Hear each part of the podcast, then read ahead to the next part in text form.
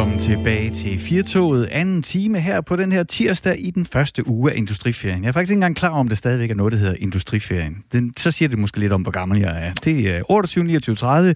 Det er der, øh, hvor man holder ferie. Og det gør de normale værter også. Toge Gripping, du er sammen med mig her i studiet. Yes. Fordi vi er ferievikar. Klar. Sådan er det. Så må Klar. man sige, I må nøjes med os. Vi øh, havde et øh, emne i forrige time, som vi åbnede med, inklusion i folkeskolen. Og med særligt fokus på øh, de her børn, som ikke har speciale til, øh, behov, men som bare er, hvad skal man sige, helt almindelige børn, men lige pludselig skal være i en, i en, i en, i en skoleklasse, hvor læreren er udfordret på sin faglighed i forhold til at skal håndtere børn, som har specialbehov, som er udfordret på at være i selve klassen. Og vi vil rigtig gerne høre fra jer, så hvis du har en holdning til inklusion i folkeskolen, så send os en sms. Og øh, du har sikkert hørt det tusind gange før, jeg siger det alligevel.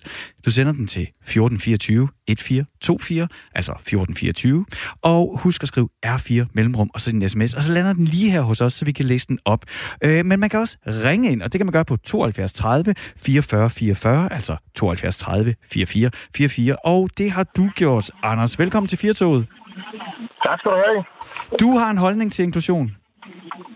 Ja, fordi altså, jeg vil jo sige sådan, at der kommer selvfølgelig den der reform, og det er også vigtigt at sige, at, øh, at det er rigtig godt at skulle inkludere mange. Man kan jo sige, når unge bliver rigtig øh, kommer ud i nogle store problematikker eller har problemer i hjemmet, øh, som gør, at de ikke har overskud, så eksklu- ekskluderer de sig selv i undervisningen i skolen. Mm-hmm. Øh, og man kan jo sige, at det er jo bare én ung, der skal til, før sådan en øh, dag den vælter for ja. en eller to lærere.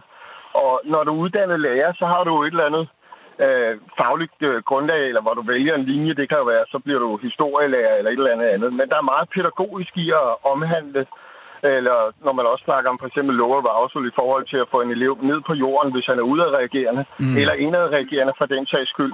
Men det er noget med, at de kidnapper undervisningen. Og det, der ofte sker med de her øh, unge mennesker, det er, at de ekskluderer sig selv. Ja. Øh, fordi de har haft så mange nederlag, og så kan man også sige, nogle gange så snakker der om det, der hedder øh, institutionsbørn, som har været anbragt lige fra de var helt små.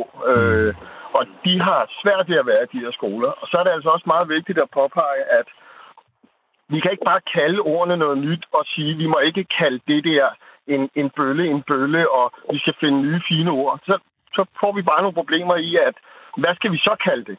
For vi kan, vi kan ikke gå og gemme det i ord, også det der, med, man, at nogle forældre føler sig krænket, fordi deres barn ikke kan være i timen. Man bliver nødt til at tage øh, håndgribeligt omkring og kalde det, hvad det er, mm. og så snakke lige ud af posen. For ellers så bevæger vi os ikke nogen steder.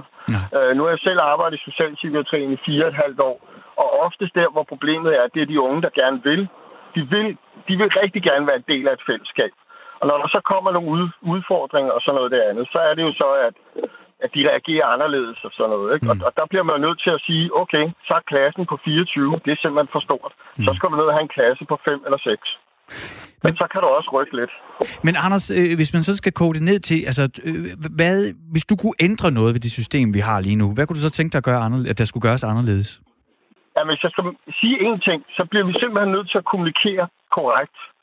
Og det er børn med udfordringer. Det er, altså for eksempel, hvis man nu siger, så siger man, at vi har Tony, som har en udfordring, der er ADHD. Det er ikke et barn med ADHD, der hedder Tony. Mm. Det er en god måde at, at tage det til på. Ja. Vi har et barn, der gerne vil noget, og han har nogle udfordringer. Og så skal vi kigge på det, og så skal vi sige, okay, det er fint, vi har to lærere.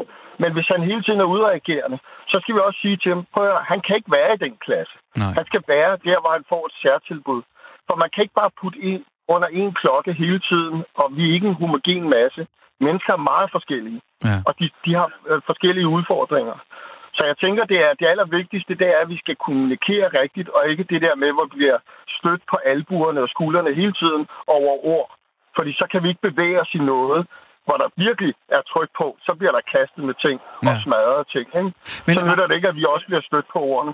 Men Anders, det, det får mig også til at tænke, og jeg tror også, du, du nævnte det lige i, i starten, da du er igennem her, det er jo også, altså, hvis man nu øh, er blevet folkeskolelærer, fordi man brænder for matematik, og fordi man brænder for at formidle matematik, så er det jo problematisk, hvis man lige pludselig så står med, med den her øh, øh, fiktive case, vi snakker om nu, Tony her, som kaster med stole, og i virkeligheden, det man bare drømte om, det var at, at, at dele sin glæde for matematik, og så lige pludselig, så skal man være specialpædagog. Det har man jo ikke nødvendigvis, altså det er man jo ikke nødvendigvis rustet til, uanset om man er gået på kursus eller fået et foredrag. Nej, og det er nemlig en meget, meget vigtig pointe, fordi der er to indgangsvinkler i forhold.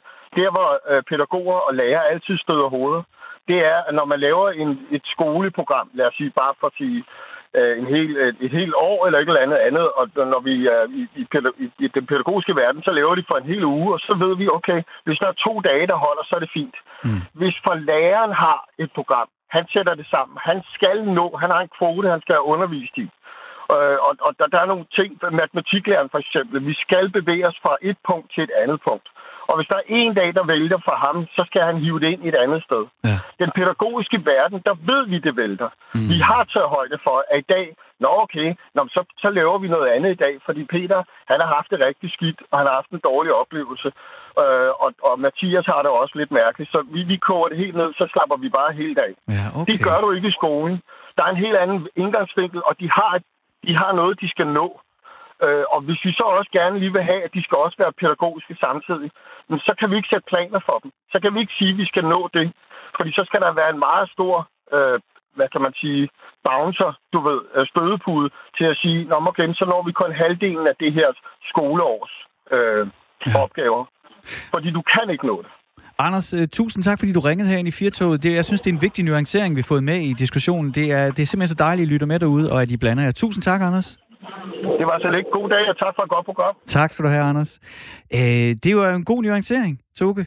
Altså, at man overhovedet som underviser rustet til at lige pludselig også kunne løse socialpædagogiske opgaver, og det vi som vores lytter Anders der var igennem med, han øh, ligesom, som jeg hørte det i hvert fald stillet op, ikke, det er, at man kan lave læreplaner, hvor man sådan meget kan, du ved, estimere, hvad kan min klasse, så kan vi nå hertil, men hvor man pædagogisk, der bliver man nødt til at arbejde langt mere elastisk og forholde sig til, hvad sker der i dagen om, så må vi gøre det. Og lige pludselig så kan man som underviser der blive fanget i, at man slet ikke kan forfølge sin læreplan, fordi alting lige pludselig bliver elastisk. Mm.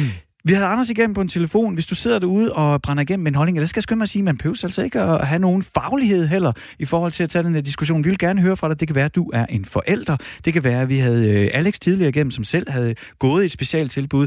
Øh, alt, hvad du sådan ligesom tænker, du har en holdning til omkring det, vi taler om i dag, nemlig inklusion i folkeskolen, så giv os et kald, og det kan du gøre på 72 30 44 44, eller du kan sende en sms på 1424. Nå, øh, det vil vi rigtig gerne snakke med jer om. Ja, øh, hele, det, øh, hele dagen for den sags skyld. Det fortsætter Men, indtil klokken 5. Det, altså, vi bliver her indtil et sekund i 5. Der er vi klar til at høre jeres holdning til inklusion i folkeskolen. Men vi skal også snakke om nogle andre ting. Senere i programmet, der skal du simpelthen quizzes. Det skal jeg. Og Fordi, jeg skal finde ud af, hvad for dyr jeg er. Eller hvad, det, hvad er det for noget? næsten. Fordi vi skal tale øh, dyr og personligheder. Fordi i Zoologisk Have i Aalborg har man gang i et forskningsprojekt, hvor man personlighedstester dyr. Det er jeg selv ret nysgerrig på. Og så tænkte vi, så kunne vi også teste dig, Toge. Fordi jeg er også sådan lidt mm, dyr. Du er i hvert fald dyrisk i dag. Og, øh, men inden det, så skal vi, øh, så skal vi tale om nostalgi. Øh, fordi at øh, det er som om, at der er en eller anden tryghed i at søge tilbage til noget, der var engang. Og øh, det har gjort os nysgerrige.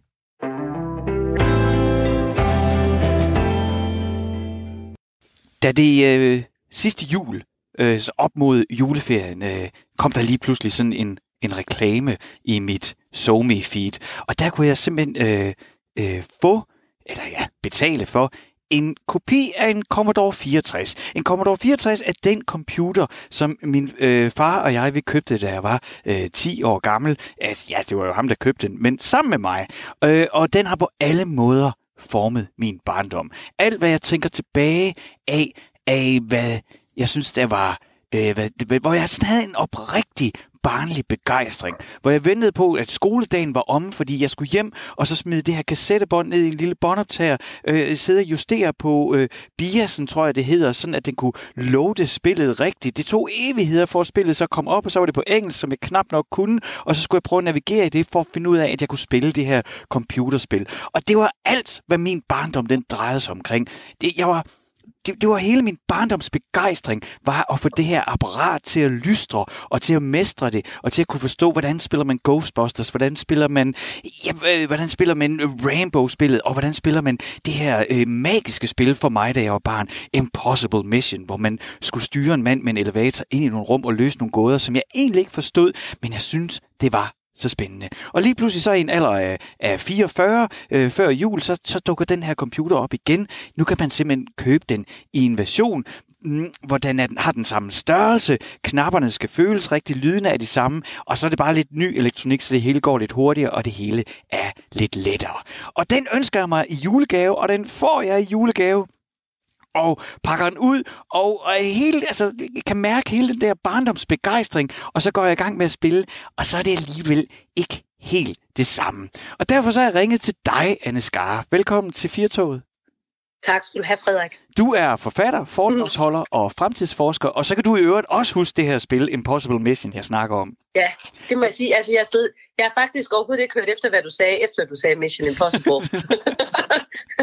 Impossible Mission. Im- så, så min hjerne, den røg lige helt tilbage. Jeg kan stadigvæk høre den lyd, du ved, den der stålagtige lyd, når han løb ja. henover, så kunne han få sat ud taler, og det rigtige er, så kørte han op og ned i en elevator. Ja. Oh, det var tider. Ja, og Anne, så, var der, så, så startede spillet jo altid med den her uh, computer sample af en stemme, der sagde, Stay a while, stay forever. Åh, oh, gud, ja, det er rigtigt. Nå, men, kan, men det, grunden til, at vi snakker om det, det er jo også, fordi jeg vil gerne, kan du mærke den samme barndomsbegejstring, som jeg har? Ja, ja, ja. Ja, altså jeg tror også, vi er en hel klub, der, der, der netop får den der nostalgiske lune lev på følelse ind i maven, ja. når der er nogen, der siger, over 64? Ja. Jeg havde faktisk den, der var forløberen for den, som var en bottler. Det var dengang, hvor alting var musefarvet eller beige. Ikke mm. sådan nogle ordentlige hakkebræt og Space Invaders og Frogger, og ja, ja, har været med. Jeg kan sagtens mærke det. Og du ved, hvis man går en tur på Facebook, og så lige søger på Commodore 64, så vil du også se, at der er utrolig mange grupper af, og der må jeg bare sige, lige i det her tilfælde, der er det altså især voksne mænd, der i hvert fald er synlige der, som øh, mødes øh, både i virkeligheden, men også øh, online, for at ligesom dele den her begejstring for deres barndoms legetøj. Mm. Men, men den oplevelse, jeg havde, Anne, det var, at jeg ligesom fik den her øh, kopi, som er i høj grad er en til en som min barndomsoplevelse så havde jeg jo, jeg var jo begejstret lige inden, men når jeg sidder med tingene, så er det jo selvfølgelig ikke det samme, fordi ja, du er en voksen så det er ikke helt det samme. Nej, ja. men, men jeg kan jo så, jeg, undre, altså, jeg kan jo så se, at jeg er jo ikke alene om det her. Øh, du kan genkende det, men jeg kan jo så se alle de her grupper, øh, og det er folk fra hele verden, øh, som, som på en eller anden måde jagter den samme begejstring, og måske ikke helt finder den. Og det jeg er nysgerrig på, Anne, det er, altså nu er jeg jo en voksen mand med børn, hvorfor begynder jeg lige pludselig at jagte den begejstring? Det, er jo, det er jo fantastisk, at du faktisk bruger udtrykket jagte. For jeg tror, at det, der sker inde i mænd, det er, at når vi trykker på den her nostalgiknap, så ryger vi tilbage til uh, urtiden. Dengang, hvor nostalgien blev opfundet. Nu er det også biologen inde i mig, der taler. Ja. Og det er jo faktisk sådan, at nostalgi er rigtig sundt. Så hvis man sidder derude som mand, og det kan også godt være, at man er kvinde, der kan blive suget ind i det her univers, så mærker den her varme fornemmelse i kroppen, tryghed, glæde, tænker tilbage på en tid, hvor alle bekymringer de, ikke eksisterede, og man kunne bare blive fuldstændig i flow med sit computerspil, så er det faktisk en overlevelsesmekanisme. Ah, okay. Nostalgi, det er, og så har det jo nok været mænd på jagt, kunne jeg godt forestille mig, ikke? Mm. hvis vi bare bliver i karikaturen, ikke? at du kan forestille dig, at dig din urfader Grok er nu afsted sammen med Greg, og, og det regner, og, og I går der afsted ikke, og tænker, oh, det her det bliver ikke godt vel, fordi at jeg har lovet, jeg har lovet min, hule, min hulekone derhjemme, at jeg skulle komme hjem med noget kød, og vi har kun fundet et selv dødt æren, og ved du hvad, jeg synes bare, det er rigtig koldt, mm. og jeg fryser bare gerne hjem. Så har du sagt til Greg, du ved, kan du huske dengang? Og det er nostalgi. Man kan måle på folks kropstemperatur, at når vi sidder og deler minder fra fortiden, der gør os mm. glade, så stiger kropstemperaturen. Så får vi tiltro og håb, selv i de mest umulige situationer, på, at det nok skal gå. Fordi der var jo engang, hvor ja, livet var godt. Okay. Der var jo engang. Og jeg tror, det er det, det trykker på, det er, at fordi vi ser ind i en fremtid, hvor jeg tror specielt mange mænd desværre stadigvæk har sådan en dæmon ind i sig, som siger til dem, at de ikke er noget, hvis ikke de er forsørgeren, eller hvis ikke de er dem, der er på forkant med teknologien. Så tror jeg, at der er mange mænd, der bliver sådan lidt jeg vil måske ikke sige bange, jeg vil måske mere bare sige, altså voldsomt bekymret for, kan jeg nu forsvare, kan jeg nu tage mig af dem, som jeg skal beskytte. Ah. Og så henter man simpelthen en form for magi i den der med, der var en gang, hvor jeg kan huske, at teknologi var noget, jeg ikke bare mestrede. Det var faktisk noget, jeg fik en kæmpe fornøjelse ud af. Mm. Så mit budskab som fremtidsforsker, det er, bare give den gas. Bare give den gas. Bare man husker at komme ud af det igen en gang imellem, og ikke bliver fuldstændig suttet ind ja. og, og sidder der og spiller, og spiller Atari mm. og Space Invaders, og aldrig nogensinde bliver set igen. ja, altså jeg, jeg vil jo sige, det, det, er, det, er, det jeg så, og der kan jeg jo kun tale for mig selv, det jeg så har oplevet, det er, at det var et kort fix. Altså, øh, mm. du ved, jeg fik genskabt det her, jeg fik øh, fundet de spil frem, og, øh, og jeg vil sige, altså alt omkring at modtage den her boks, pakke den op, sætte kablerne til, få den til at virke, også kunne finde ud af, at jeg kunne gå online og finde nogle af de særlige gamle spil, som jeg gerne vil, få dem til at virke på den nye maskine og alt det. Alt det, det var, det var forbundet med stor fornøjelse og, og ja. begejstring. Da jeg så ligesom, jeg, det er bare, jeg løb bare hurtigt tør. Altså, og det, det skal du sådan set heller ikke have det så skidt over. Der er okay. faktisk skrevet mange bøger og afhandlinger, og jeg tror endda også teaterstykker og film er lavet over forventningsglæde. At det, som vi nogle gange netop glemmer, det er, at det ikke så meget handler om selve oplevelsen, fordi den netop godt kan være lidt fesen, mm. men at hele den der forventningsglæde, den, den fylder, og den skal egentlig have lov til at fylde. Og det kan godt være, at vi har glemt den også, altså fordi vi hele tiden lever i den her verden, hvor vi kan få det, som amerikanerne kalder for instant gratification. Ja, altså vores ja. liv er jo nærmest bare blevet sådan en shake and bake pakke, hvor der står just add et eller andet på, og så skal det væltes ud, og så skal det helst gå hurtigst. Og der har vi måske glemt hele den der, eller glemt hele den lange indflyvning til, at det med at gå og glæde sig til, du ved, bestille noget, og så det kommer, også fordi at alt, der handler om detail, er jo også, at du nærmest skal have leveret tingene med en drone i baghaven 10 sekunder efter, at du har trykket på en knap. Mm. Så tror jeg faktisk, at det er rigtig, rigtig sundt, det der med at gå og glæde sig til, at tingene kommer ikke bare lige, og så er det jo selvfølgelig også fordi, at vores forventninger er høje. Det er jo det samme, vi også oplever, hvis vi, hvis vi ser film. Det ved ikke, om du har prøvet, Frederik, det der med, at man ser en anden film sammen med ungerne, så tager sådan et eller andet. Nu vil jeg sige, Dirty Dancing holder stadig, mm. men tog vi nu Roadhouse med Patrick Swayze, så kan det godt være, at vi vil blive lidt skuffet. og der er jo også nogle film, der bare ikke kan komme igennem alt det der MeToo og krænkelsesparathed. Det. Sådan en som Flashdance Flashdance, det er jo helt forfærdeligt, ikke? Med ja. sådan en, øh, en kvinde, der stripper i sin fritid, og så arbejder hun som svejser og, og bliver seksuelt chikaneret af sin chef. altså, uh, det holder det, bare ikke. Nej, ja, nu er det 80'erne, så kan jeg sige, at politiskolen, de holder altså heller ikke til et gensyn. I hvert fald ikke Nej, set ikke med de briller. Godt, vel. Det, ja, og så, og det er det med, at vi bliver sådan lidt bange, ikke, når vi sidder og tænker, holder det stadigvæk højt? Ja. Og det er jo fordi, at, at kvaliteten, altså vores forventninger til kvalitet har flyttet sig. Altså når vi kigger på film i dag, vi kigger på computerspil, ligegyldigt hvad vi egentlig laver, så er vi jo blevet super forventet med, mm. at det skal bare se mega godt ud. Ja. Og den nemmeste måde at blive gladere på, er faktisk at sænke sine forventninger. Ja. Så, så hvis man kan arbejde med det, når man går og glæder sig til jul, hvor du får din, øh, det der, du får den gave der. Så du sådan lige arbejder med lige at få skruet forventninger ned til der, hvor du var i 80'erne, hvor du blev gladere for mindre, så ja. det nok heller ikke være så skidt. Ah, det, det tror jeg er et meget godt råd. Det, det, det, det er noget, jeg må arbejde med. Anne Skar, nu tog du selv hul på det her med film. Det, øh, du er for, øh, forfatter, foredragsholder og fremtidsforsker. Jeg ringede til dig, fordi at jeg ligesom har haft den her oplevelse selv med at få min barndomscomputer og hele den begejstring, der var omkring det. Og så havde jeg så lidt oplevelsen, der så var igennem det, når så er jeg ligesom igennem det. Og, og du tog selv hul på det her med filmene, fordi at det, nu taler vi meget specifikt mig og min computer, men der er jo sådan en, øh, hvis man kigger netop på film, så er der jo også sådan et mønster i, at øh, igen øh, må jeg sige, at det er i høj grad er mandlige instruktører, som også får genskabt deres barndom. Øh, hvis vi nu øh, kigger på min barndom, den var i 80'erne, der var min yndlingsfilm, det er i øvrigt stadigvæk også i dag min yndlingsfilm, Tilbage til fremtiden. Den foregår ja. i 1985, og derfor de, øh, Robert Zemeckis og Bob Gale, øh, der har skrevet den film, de får genskabt 50'erne øh, i tanken om at, at, at, at komme der tilbage, og, og alt det, de har forbundet med deres barndom omkring alt det gode ved 50'erne, rejser han tilbage til. Jeg har lige set tilbage til fremtiden sammen med min datter, og øh, der var vi selvfølgelig tilbage i 50'erne. Det var meget sjovt, men for mig var det fede jo at være tilbage i 80'erne sammen med hende. Ja. Ja. Og der har været sådan en serie som øh, øh, Stranger Things på Netflix, som var et kæmpe hit, som jo i høj grad levede af den her nostalgi-genskabning af 80'erne. Så det er jo ikke bare os, der aften kommer dog 64, der søger det her.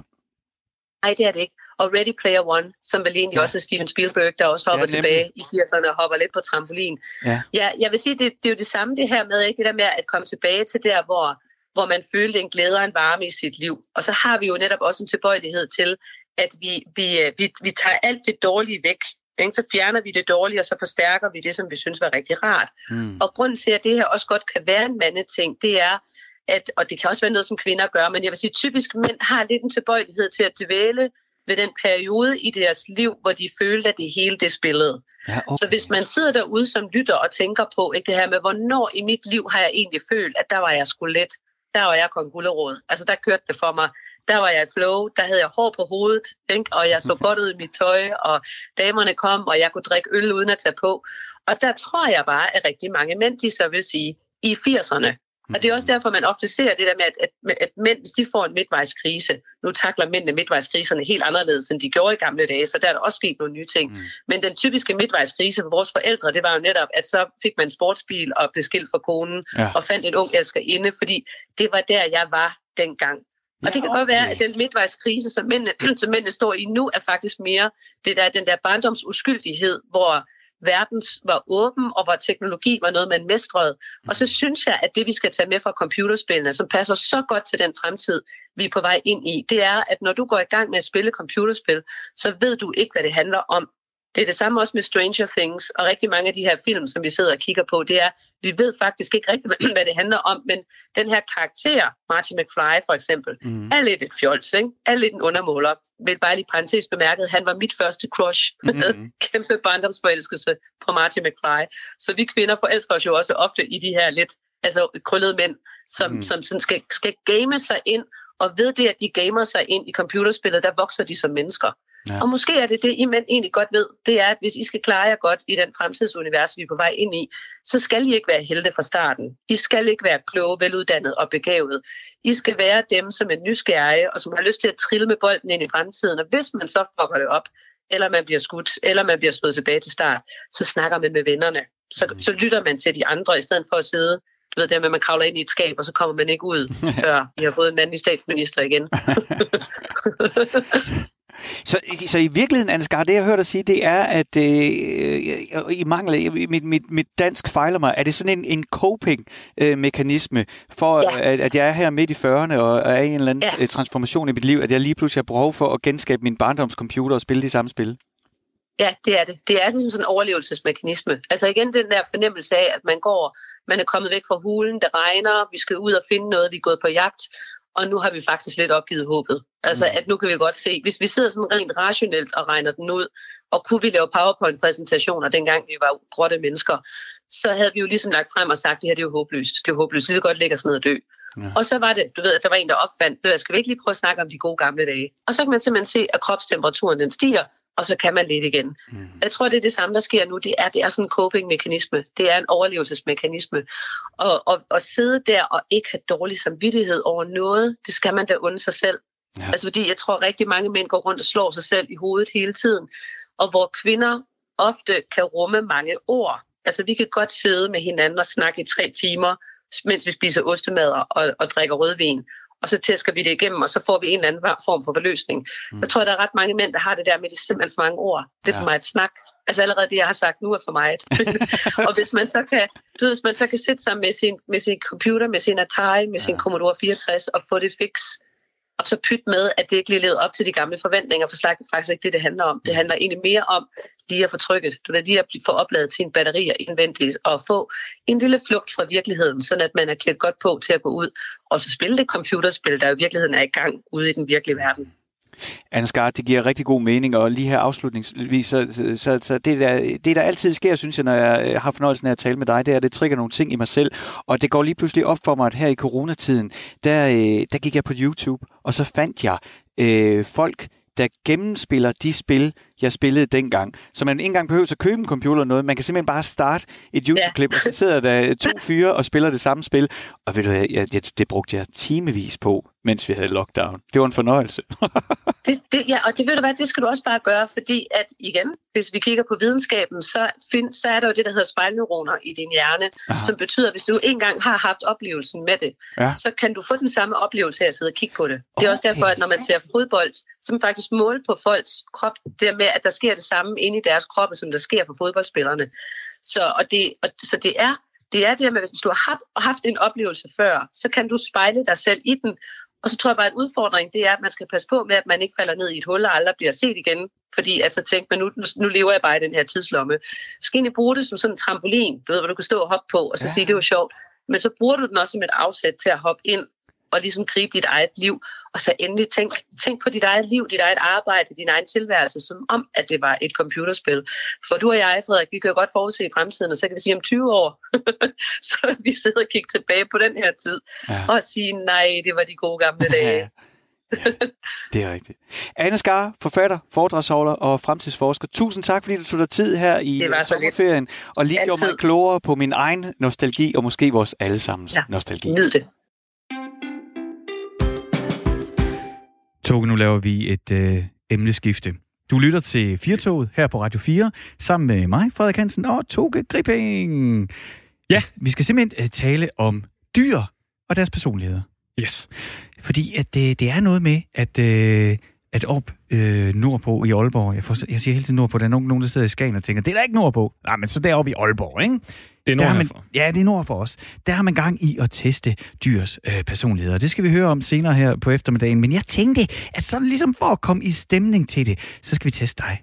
Ja, og øh, jeg er også spændt på at finde ud af, hvad for en slags dyr jeg er. Ja, men det er faktisk ikke, øh, hvad for en slags dyr du er. Nå. Vi skal først lige, vi, vi starter stille og roligt med mandens bedste ven, hunden. Okay, så det er bare, hvad for en slags hund jeg er? Eller? Ja, altså vi starter, vi går sådan stille og roligt ind i, uh, i emnet. Ja, og, jeg hopper uh, lige herover, så kan jeg ikke uh, kigge dig over skulderen. Nej, okay.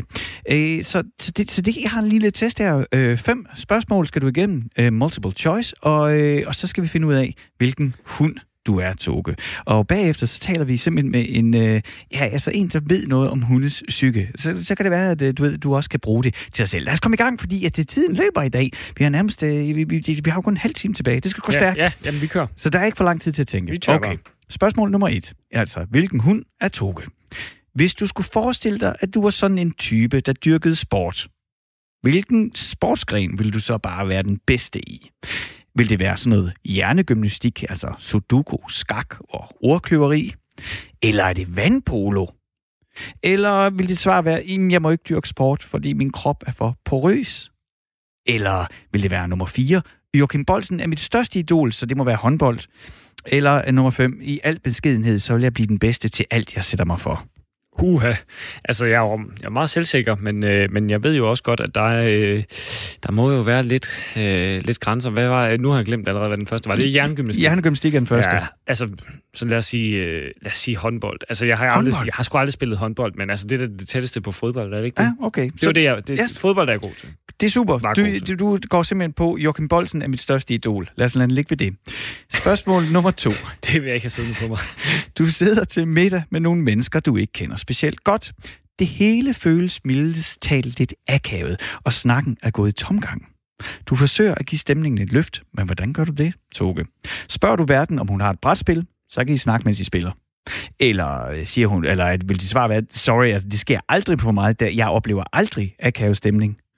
Eller begynder du at snakke meget højt og hurtigt? Dårlig snak er bedre end ingen snak. Eller nummer 4. Øh, jeg har et øh, magisk tricks i ærmet, og det fremviser jeg gerne. Altså, du ligesom begynder at underholde. Eller valgmulighed nummer 5. Du går bare hjem. Ja, det kunne godt være den sidste, faktisk. Ja, ja. altså mest fordi, at jeg, jeg, jeg, magter, jeg magter ikke rigtig den, der, den her akavede stillhed, der kan komme til lidt større forsamlinger. Og du tager ikke ansvaret for at, at sætte gang i festen? Nej. Så går du bare hjem? Ja. ja så, så. Toge is out. Okay. Nu, den her, det har jeg glædet mig meget til. Spørgsmål nummer tre. Og det vi er ved at finde ud af, hvis man lytter, hvad i verden er det for noget fjolleri, der foregår, det er meget, meget vigtigt. Det er videnskabeligt, det der foregår. Vi er ved at finde ud af, hvilken race hund ja. Toge er. Ja. Det er meget, meget, meget vigtigt. Hvis din ærkefjende, hvis du har sådan en, skulle beskrive dig med et ord, hvad vil det så være? Vil det være bedrevidende? Ja. Vil det være grådig, hysterisk, doven eller besidderisk? Doven eller øh, bedrevidende. Men du bliver nødt til at vælge. Ja. vælge. Bedrevidende. Det, det, det, bedrevidende. det fik jeg at vide i går, og det, yes. det kunne jeg godt være tit. Har du en ærkefjende? Nej. Nej, det var så ikke min ærkefjende, der kaldte mig det. Nej, men det, var, ikke, det, var, det var min kæreste. Så, uh, så, så uh, well, min ærkefjende har nok godt, endnu mindre det må du selv rode med. Det ja. er simpelthen kunne rode dig ud i. Okay, spørgsmål nummer 4. Der er to endnu, og det vi er ved at finde ud af, det er, hvilken type hund du er, Toge. Du er i IKEA med din bedre halvdel. Altså ikke din ærkefjende, eller hvad det var, du rodede ud i. Men hvad laver du, når du er ude i IKEA? Driver du din kæreste til vanvid ved at hele tiden hive hende i ærmet og sige, jeg vil ud? Eller står du i kafeteriet og ja, køber 5 kroners hotdogs? det er den. Det er den. Det, der er ingen tvivl. Okay, vi springer alle valgmulighederne over. Det, det synes jeg er super. Nogle gange så kan man bare, du ved, så ved man det bare. Det gør, jeg, det gør jeg endda bare, når jeg er i brusen. Altså. Okay. det er stakkels Okay. Spørgsmål nummer 5, og det sidste, så skal vi finde ud af, hvilken hund du er. Hvordan ser du ud, Toge? Øh, svaret mulighed nummer et er, godt, tror jeg. Især efter en tur hos frisøren. Det gør virkelig noget for min selvtillid. Eller svar mulighed nummer to. Øh, jeg ved, jeg er tiltrækkende. Personligt vil jeg nok foretrække, hvis jeg vejede lidt mindre, men jeg har fundet ud af, at de ekstra, ekstra kilo er godt for, god for min livskvalitet. Eller svar mulighed nummer tre. Mine træk er ret fine, min krop er ret fin, men det er min stemme, jeg sætter mest pris på. Og svar mulighed nummer 4. Jeg er ret grim det, det, det kan du vælge. Eller 5. Jeg er gudesmuk, og det er overbevist om, at alle andre også synes. Så etteren, det var den med frisøren, og øh, toeren, det er, at du ved, du er tiltrækkende, måske lidt overvægtig. Øh, du er treeren er sådan okay. Firen, der synes straight up, synes du selv, du er grim. Hmm. Og femeren, der er du bare Det er gudesmuk. Ja. Øh, Hvad vælger du? Etteren. Etteren. Godt. Godt udseende med forbehold. Især efter en tur hos frisøren. Yes. Ja. Godt. Nu skal jeg så øh, tælle point sammen her, fordi så kan jeg fortælle dig, hvilken hund du er. Og Toge, Ja. du er en pudel. Og hvis jeg skal, hvis jeg skal fortælle lidt om, øh, hvis man tænker Nej, øh, det lige som ko ind til... Det gider øh, vi ikke at høre, tror jeg. hvad, hvad nok. betyder det så at være en pudel? Så, øh, så står der her. Ved første øjekast kan du godt virke lidt reserveret og ophøjet, men den antagelse er faktisk helt forkert. Du er både sød, hengiven og lojal. På grund af din fornuft og intelligens kan du godt virke lidt bedre vidende, men det skal du ikke være ked af. Hvis folk virkelig vil dig det bedste, så bliver de hos dig. Mm? Hvad Jamen siger du til det? Ja, det, det, det, ja, det er da fint. Jeg havde håbet på øh, måske en anden slags hund. Mm, ja, ja, en pudelhund. Men en, som ved noget om dyr og personlighed, det er dig, Anis Røder. Velkommen til Firtoget. Ja, tak skal du have. Du er hundepsykolog og adfærdsbehandler, og jeg ved ikke, om du lige øh, kunne nå at høre med, at uh, Toga han tog den her hundequiz, og han, vi har simpelthen fundet ud af, at han er en, en pudel. Er pudel, er Jo, det en det- bedre vidende hund? Nej, det tror jeg næppe, næppe den er, men den bliver jo beregnet for at være en klog hund. Mm. Så bedre vidende ved jeg ikke, men den er nem at træne. Okay. Så Så det er jeg også. Det har jeg fået at vide. Men Ja, Anne, der kan du bare se. Anne, vi har ringet til dig, fordi at øh, man øh, oppe i Aalborg Zoologisk Have er i gang med at øh, u- mm, lave en slags personlighedstest af dyrene. Og så tænker mm. vi, hvis, øh, inden vi taler med Aalborg Universitet, som er med i, i det forskningsprojekt, så tænker vi, vi vil lige tale med dig, fordi har Mm. dyr overhovedet personlighed, eller er det bare noget, vi læser ind i dem? Nej, jeg tror, dyr har personlighed. Okay. Det er jeg slet ikke i tvivl om. Jeg tror slet ikke, vi skal tro, vi er så meget forskellige for dyr. Aha. Mm. Så det tror jeg, de har. Altså, jeg, det kan man jo se. Har man haft med mange dyr at gøre, så har de jo alle sammen hver deres personlighed, hver deres måde at være på, hver deres måde at reagere på. De er bestemt ikke maskiner. Men hvordan oplever du det i dit arbejde? Du er hundepsykolog og adfærdsbehandler. Hvordan Ja. oplever du dyrenes personlighed, eller hundes personlighed i det tilfælde? Jamen, det er jo forskellighederne. Det er jo der, man ser det. At øh, selvom du behandler dem fuldstændig ens, og der er mange lighedspunkter, selvfølgelig er der det, så er der alligevel øh, forskelligheder. Mm. De er alligevel lidt forskellige, opfører sig forskellige, reagerer lidt forskellige ikke? på ting og sager. Der er jo selvfølgelig også indlært adfærd, men alligevel er der også noget personlighed. Man kan se, hvordan de opfører sig, også med alder og med erfaring osv. Hvor langt øh, ned på mikroniveau kommer vi her? Altså, er det sådan, at man kan stå med øh, to mopshunde, for eksempel, ved siden af hinanden, og, Mm. de, øh, og de kan være ja, diametrale modsætninger, hvis man kigger på for eksempel energiniveau eller andre ting. Jeg ved, jeg ved Ja, ikke, hvad man kigger efter. Det kan de. Det kan de. De kan sagtens være diametrale modsætninger. Hvor der er fuld knald på den ene, og den anden, den vil hellere ligge og slappe af og sove. Mm. Det kan man spørge en hver hundeejer om. Det ser de, hvis de har mere end to eller mere end en hund. Ja. At der kan være total forskel. Og det er også det, folk oplever, når de har igennem mange år haft en bestemt race hund, og pludselig får de en ny hund, og den er bare helt anderledes end de andre. Okay, fordi det er jo selvfølgelig Mhm. det næste, jeg vil spørge dig om, det, Anne, det er om, om, om, om dyrene ikke bare spejler vores personlighed, men det er det ikke så? Og jo, det skal man heller ikke tage fejl af. Ja, Det gør okay. de jo også. Altså, alting er jo, øh, det, det kan man ikke sætte op i små segmenter.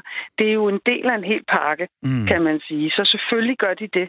De spejler også os. Mm. De er ofte et meget godt spejlbillede af vores, øh, øh, hvad hedder det, af vores sjæl, kan man sige. Mm. Af, af vores øh, måde at opfatte ting på. Kan de godt blive et rigtig godt spejlbillede af, men de har også deres egen, deres egen måde at gøre tingene på. Men er det ikke lige så meget os, der spejler vores egen adfærd ind i, i dem? Altså, og, og, og Altså, sidder når og, du siger og, os, og så kigger har efter? du fuldstændig ret. Ja. Øh, At hundeejere ser tit noget, som ikke er helt korrekt. Men nu taler jeg jo som adfærdspsykolog. Mm. Og ikke bare som hundeejer, der siger, at den forstår alt, hvad jeg siger, eller den er sådan og sådan. Mm. Øhm, for der får vi ofte lagt noget menneskeligt ned i hunden. Men når man står og kigger på hunden som hund, og ikke noget menneskeligt, så har de også hver deres personlighed. Nu taler jeg lige om hunden, jeg kunne også tale om katte. Mm. Øh, dem har jeg studeret i mange år, og jeg har haft mange katte. De har også hver deres måde at være på, selvom de bliver behandlet ens. Okay, men siger jo det der som, som hund og kat. Øh, kan du fortælle os lidt sådan, hvordan, hvad oplever, altså er der forskel på hunde og kattes personligheder? Er der sådan nogle, nogle ja, træk, der er typiske, du, du ser gå igen og igen? Ja, ja. Altså, der kan man bare, hvis man kender tegneserien Garfield, mm-hmm. så har man et meget godt billede af det. Øhm, katte er sådan lidt mere overlegne og lidt mere deres selv, dem selv. De er jo solitære dyr, de lever ikke sammen med nogen normalt. Mm. De har ikke så meget brug for, for en flok, som hunden har. Den har brug for en flok, så den kan godt blive lidt odiagtig og vil så gerne ofte være gode venner med katten. Mm. Det er ikke altid katten gider at være gode venner med den. Mm. Og når man har dem samlet, så er det som oftest kattene, der bestemmer. Okay. Ja. Anis Rød, vi taler med dig. Du er hundepsykolog og adfærdsbehandler. Ja. Vi taler om, fordi at, uh, vi snaler, taler om øh, dyrs personligheder i dag. Jeg har selv været i en, sådan en krisesituation i mit liv, hvor jeg gik til en psykolog og var i terapi. Og det foregik jo mm. på den måde, at jeg kom ind, og øh, i virkeligheden så sagde min psykolog, hun sagde jo ikke så meget. Det var jo mig, der snakkede og snakkede og snakkede, ja. og så sagde hun på enkelte ting. Men det var jo sådan en time, hvor jeg sad og talte øh, omkring ja. mit liv og hvad det var, jeg oplevede. Og det, øh, det, det er jeg faktisk meget glad for, at det terapiforløb jeg igen, det kunne jeg bruge til noget. Men hvordan, altså mener, når du får en hund ind, den kan jo ikke sige noget. Hvordan arbejder du? Nej. Det er derfor, det hedder adfærdspsykologi. Mm. Jeg, jeg kigger på adfærden. Har vi en adfærd, vi ikke kan lide, så må vi se, hvordan vi ændrer den. Mm. Ofte så mener jeg, eller det gør jeg, jeg arbejder mere med mennesker end med dyr. Det er jo menneskerne, der, ejerne, altså, der skal ændre deres adfærd, før ja, okay. vi kan ændre hundens adfærd. Mm. Hun er simpelthen nemme nok at træne. Okay. Kan du, give, kan du give nogle eksempler på det, hvad du har oplevet i dit arbejde? Hvad jeg oplever, ja, som oftest, er, at hunden passer på deres menneske. Mm-hmm. Øhm, fordi man har ligesom fjernet ansvaret fra sig selv og givet det til hunden. Og det gør hunden sit, når den får for meget opmærksomhed, hver gang den beder om det. Øhm, Giver man den det, så får hunden, hvad den gerne vil have til hver en tid, den gerne vil have det. Og når man får det, så har man vel egentlig også bestemmelsesret. Mm. Og så er det som om, at hunden tænker, jamen, øh, og det ved jeg ikke, om den gør, eftersom jeg ikke ved, hvad hunden tænker. Men dens opførsel bliver, at den passer mere på sit menneske i forhold til andre hunde, og ovenikøbet nogle gange i forhold til mennesker. Øhm, og så kan den begynde at udvise lidt aggressiv adfærd. Aha. Og det kan man så ændre igen øh, ved at ændre sin egen adfærd over for hunden. Okay. Har du hund? Nej, det har jeg. Jeg, jeg lærer det okay. for hund, og min datter, hun beder hver evig eneste dag, om vi ikke skal have en hund, og så, så kan jeg jo, så, så kan jeg jo lykkeligt gemme, gemme mig bag allergien, men jeg må jo samtidig sige også, at det, det var jo nok i virkeligheden mit allerstørste barndomsønske, og jeg må også sige her i coronatiden, der tænkte jeg også, nej, det ville være hyggeligt at have en hund derhjemme. Ja, det er det jo også.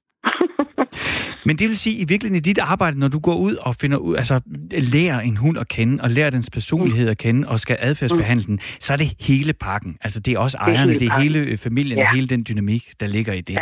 Så det, det, det hænger i høj grad sammen. Æh, betyder det så, grad, ja.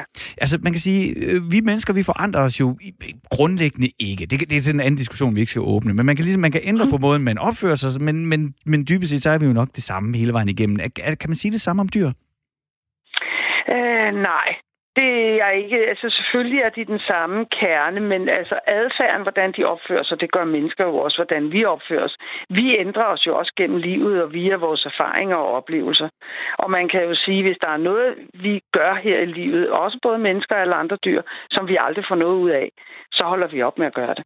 Mm. Og det er det samme med hunden. Hvis den ikke får noget ud af det, det den gør, så holder den op med at gøre det. Okay. Som ofte så gør vi det, vi får noget ud af. Det gør de fleste. Okay, og så kan man så ja. det måske en lille smule mere en til en, når det kommer med hundene, hvor mm, alligevel kan man vel godt påstå, at, at der er vores, den menneskelige psyke, måske lidt mere kompleks, eller er det, øh, er det bare jo, noget, jeg det er på? den, fordi den, nej, det kan vi jo komme ind i. Vi kan jo tale med hinanden mm. om menneskelige, altså ja, menneskelige hjerne er meget stor ja. i forhold til alle andre dyr. Så, ikke?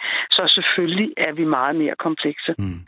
Øh, og vi kan jo ikke tale med dyrene. Så vi kan ikke gå ind og, og prøve at psykoanalysere dem. Nej. Det kan ikke lade sig gøre. Vi må kigge på den adfærd, de har, og så må vi bruge de redskaber, vi har til at ændre den adfærd. Mm. Anis Røder, du er hunde, mm. hundepsykolog og adfærdsbehandler. Ja. Tusind tak, fordi du er med her i Firtoget og ligesom tog os med ind i din verden, hvor du arbejder med hundes personlighed ja. og adfærd. Tak, fordi du var med. Og tak, fordi jeg måtte være med. Hej, hej. Frederik, ja. vi taler jo om, øh, om det her, fordi at, øh, at Aalborg Universitet sammen med Aalborg So har lavet den her øh, undersøgelse, eller har i gang sat en undersøgelse mm-hmm. i hvert fald, hvor man øh, vil undersøge øh, dyrs øh, personlighedstræk via en øh, personlighedstest. Mm-hmm. Og den skal så bruges til at og sikre, at, at dyrene har øh, ligesom de nødvendige træk for, at man kan blive øh, sat fri i mhm. naturen mm. igen. Altså, hvordan man kan klare sig bedst, hvis man bliver sat fri. En af dem, der har været med til at lave undersøgelsen, det er dig, øh, Lars Bak. Du er øh, forsker på øh, Aalborg Universitet hos øh, Aalborg Universitet. Og I har altså forsøgt at kortlægge dyrs personlighed i Aalborg Zoo. Velkommen til. Ja, øh, og vi skal have ham på den anden. Er det på den anden? Ja, sådan. Så er han med. Er du med, Lars? Velkommen til, Lars. Ja, det tror jeg. Ja, sådan. sådan. Hvad er det, jeres øh, undersøgelse øh, handler om, hvis man skal forklare det lidt øh, mere specifikt end øh, en personlighedstest af dyr? Ja, altså det er, jo, det er jo måske lige at...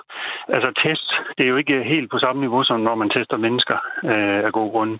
Men, øh, men altså det handler jo om, målet er jo at få øh, øget velfærden ved dyrene. Øh, og det kan, det kan så være et redskab til det, det her med at vide, om det er en meget ekstrovert eller introvert individ, vi har med at gøre. Så, øh, og man kan sammenligne det lidt med, altså hvis man sammenligner lidt med mennesker, så kan det være sådan en klassificering, man laver. Øhm, så, så må, og, og det er selvfølgelig et af målene, det er, at de, de ligesom får det bedre der, hvor de er. Men et andet mål er også, at når de skal sættes ud i naturen, at så øh, sørger man for ikke at, og ligesom, øh, for eksempel hvis man sætter grupper ud, så kan det være en, fordel at have en gruppe, hvor der er flere forskellige, øh, hvad hedder det, typer, adfærdstyper i. Sådan at for eksempel de ikke alle sammen er aggressive, eller at de ikke alle sammen er, er hvad hedder det, øh, altså tager for store øh, risici. Mm, og, og hvad, altså nu var du inde på for eksempel nogle personlighedstræk som introvert og ekstrovert. Hvordan undersøger ja. man, om dyr er det? Jamen, det kan man gøre ved for eksempel at, at præsentere dem for nye objekter i deres miljø. Øh, altså sådan helt øh, lavpraktisk. Det kan være et bildæk eller et eller andet. Øh, der, der er forskellige øh, måder, hvor man ligesom beriger deres hverdag. Og der kan så være nogle individer, som, øh, som, som bliver, hvad skal man sige, som reagerer mere frygtsomt. Og der kan være andre individer, som er mere nysgerrige og, og udforskende. Og, øh, og hvis det mønster, det ligesom gentager sig med de her individer, så er det, man kan begynde at snakke om, at de har ligesom et adfærdsmønster. Øh, og, og det er så det, man kan kalde personlighed, hvis man ligesom bruger den lidt, den lidt brede definition på det. Mm. Hvilke dyr så det skal det? være noget, der er konsistent, ligesom. Altså, de skal blive ved med at vise det øh, over tid og, og rum, han har sagt. Hvilke dyr er det, I, øh, I undersøger? Jamen, det er, det er, i det her tilfælde, der er det chimpanser, isbjørn og elefanter. Og især chimpanserne og elefanterne, det er selvfølgelig meget sociale dyr. Nu snakker I om hunden lige før. Øh, og, og, og ligesom hunden er de også enormt sociale. Det vil sige, at de har... Altså, der sker en masse dynamikker i deres grupper. Øh, og der kan man, altså, hvis man tænker sådan på det evolutionært, så kan man også godt forestille sig, at en, en dyregruppe, at det kan være smart at have nogen, der er meget udfarende og, og risikovillige. Øhm, det er ligesom dem, der opsøger nye, øh, nye habitater eller nye steder at leve. Og så har du sådan nogle andre typer, som er lidt mere, øh, hvad skal man sige, tryghedsnarkomaner, eller hvad man skal sige det, hvis man skal bruge et menneskeligt ord. Øhm, og det kan være en fordel, ikke? fordi øh, dem, der ligesom tager risikoen, de kan risikere at, at finde og falde over et fantastisk sted øh, med en masse ressourcer og en masse mad. Men de risikerer så også at blive taget af et rovdyr, eller hvad det nu kan ske. Øh, så, så det er faktisk bedst at have sådan lidt begge strategier til stede i en gruppe. Og det, det kan man i øvrigt også nogle gange se ved... Øh, en gang imellem arbejder vi lidt sammen med folk i, i øh, altså, organisation og ledelse, altså ved mennesker. Og de snakker jo faktisk også om, at hvis du har en, øh, en på en arbejdsplads eller sådan nogle projektgrupper, der, der kan det være en fordel at have øh, en, en diversitet af, af mennesketyper. Øh, der findes nogle undersøgelser, som viser, at de performer faktisk bedre, de arbejdsgrupper, hvor, hvor de er sådan lidt forskellige.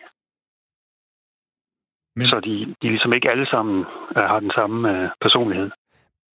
Men øh, Lars Aubach, at ved man om, og at der er så stor forskel, som, som, som det, øh, du, du, du redegør for øh, her? Altså tit så taler vi jo bare om dyr som sådan en, en størrelse, ikke? Og, men, men, men er der virkelig så, øh, så signifikant forskel på, ja, hvis vi skal tage isbjørn for eksempel. Er der så virkelig så stor forskel på, på isbjørne i en, i en flok, at man kan sige, at dem her, de er, de er de mest tilbøjelige til at udforske, og så er der de andre, der er mere tilbøjelige til at passe, øh, ja, redenheden er sagt, men, øh, men, øh, men, men basen? Ja, men altså det er klart, hvis nu man, hvis man sammenligner dyrearter på tværs, ikke, så, vil, så vil de helt klart have kæmpe forskel øh, dyrearterne imellem. Ikke? Mm.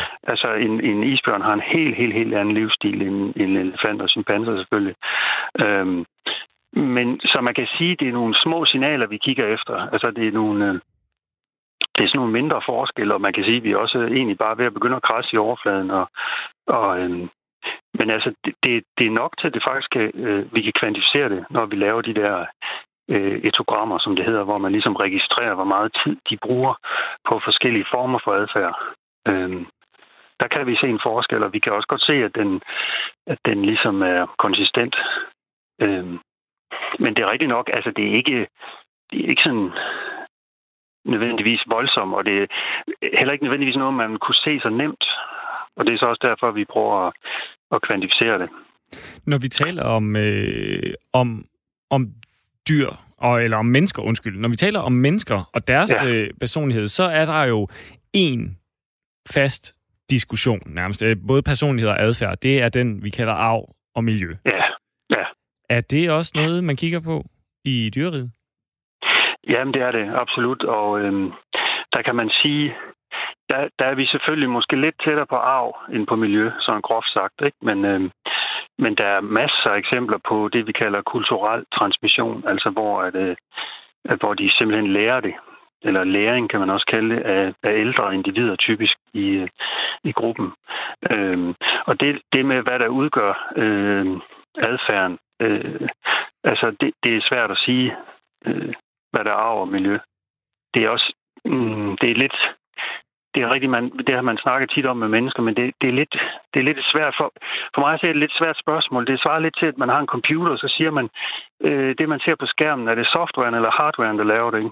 Mm. Altså, det er jo sådan set en kombination, der laver det. Mm. Hvis, hvis man kunne lave den analogi.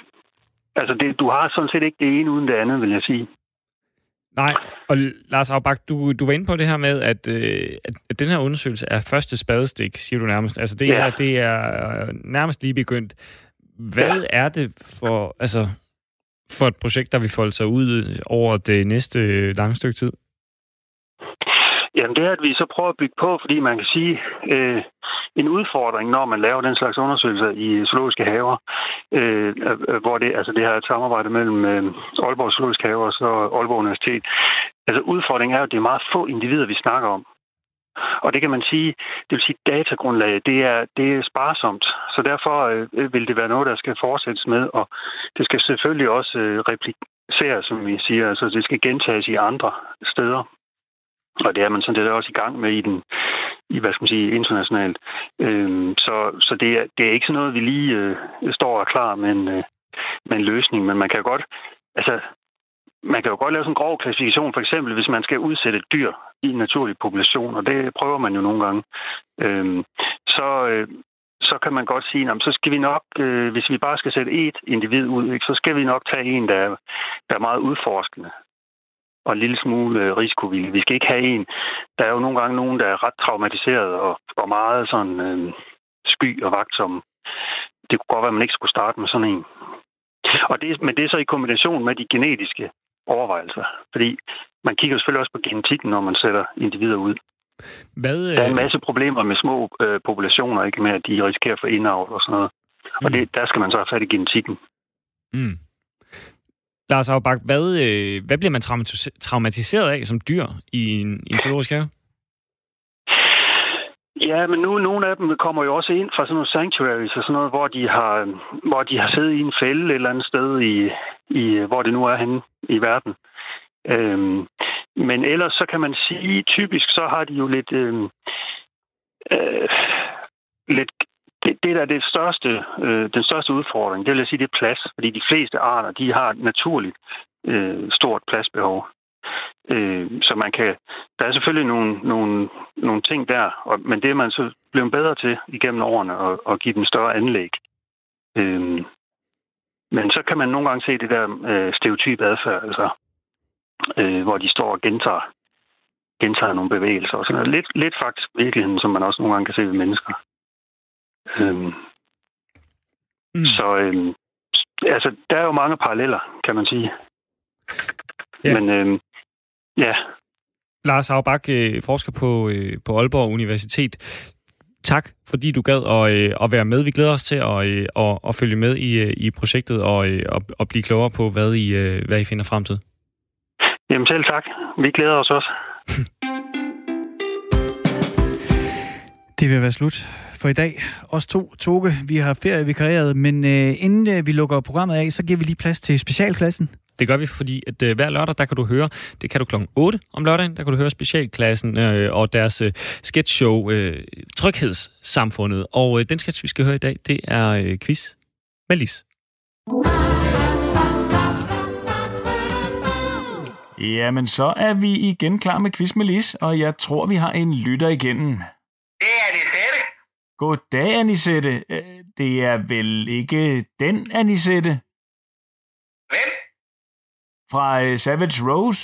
Forsangeren i Savage Rose. øh, nej, nej, det, det er det ikke mere. Det, nej, så har jeg nok hørt det. Nej, jeg ved ikke lige fra, hvem det er, men det er i hvert fald Anisette her. Ja, og jeg er glad for at have dig igen, Anisette. Hvad, hvor ringer du så fra? Jeg ringer fra Næstved. Ja, så er vi på Sydsjælland. Ja, det kan man sige. Jeg har da ikke været i Næstved, så har jeg ikke været nogen steder. Det siger vi i hvert fald hernede. ja. ja, den kendte jeg ikke lige. Nej, det er nok også mest folk fra Næstved, der siger det. Ja. Uh, men Anisette, uh, har du et svar til mig på dagens spørgsmål? Ja, jeg tror, det er laksemus. Laksemus.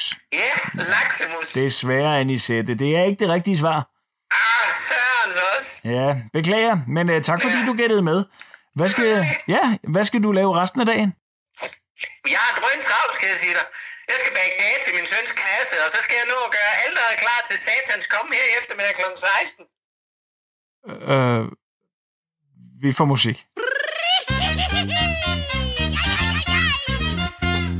Der var generalforsamling på vores andelskontor. Ikke at det er noget ekstravagant. Men det er vigtigt, man tager ansvar for det sted, hvor man nu bor. Og Randi gik til valg som suppleant. Men pludselig væltede bordet ned, da Randi gjorde et sving. Hendes røv er skubbet alt om kuglepapir fløj rundt omkring. Jeg har aldrig tænkt over det før. Sådan en røv, den må være svær at styre. Randis røv er større end du tror. Randis røv er større end du tror. Randis røv er større end du tror. Prøv at kigge en ekstra gang. Randis røv er større end du tror. Randis røv er større end du tror. Randis røv er større end du tror. Prøv at kigge en ekstra gang.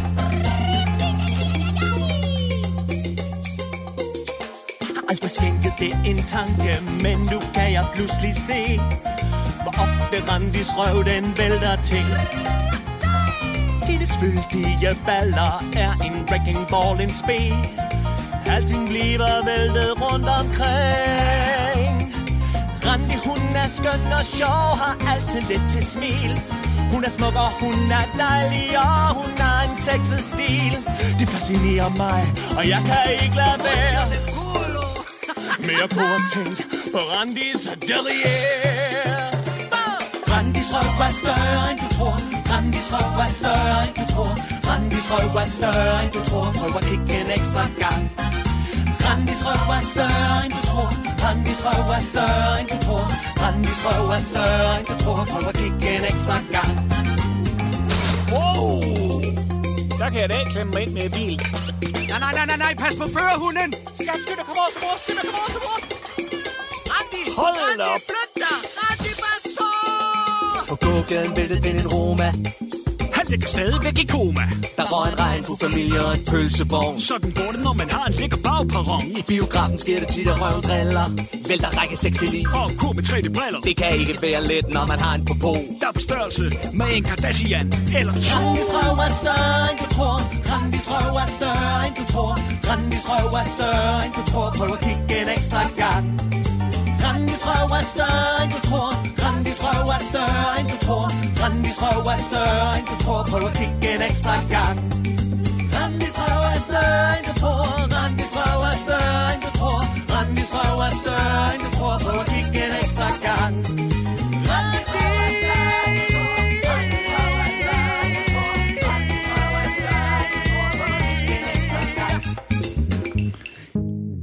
Det var øh, specialklassen, som man kan høre her på stationen i weekenden, og øh, det er også de, de sidste sekunder her fra Firtoget. Toge Gripping og jeg selv, Frederik Hansen, vi har sendt i dag, og om lidt er der kreds, men aller, aller først, så er der nyheder på Radio 4.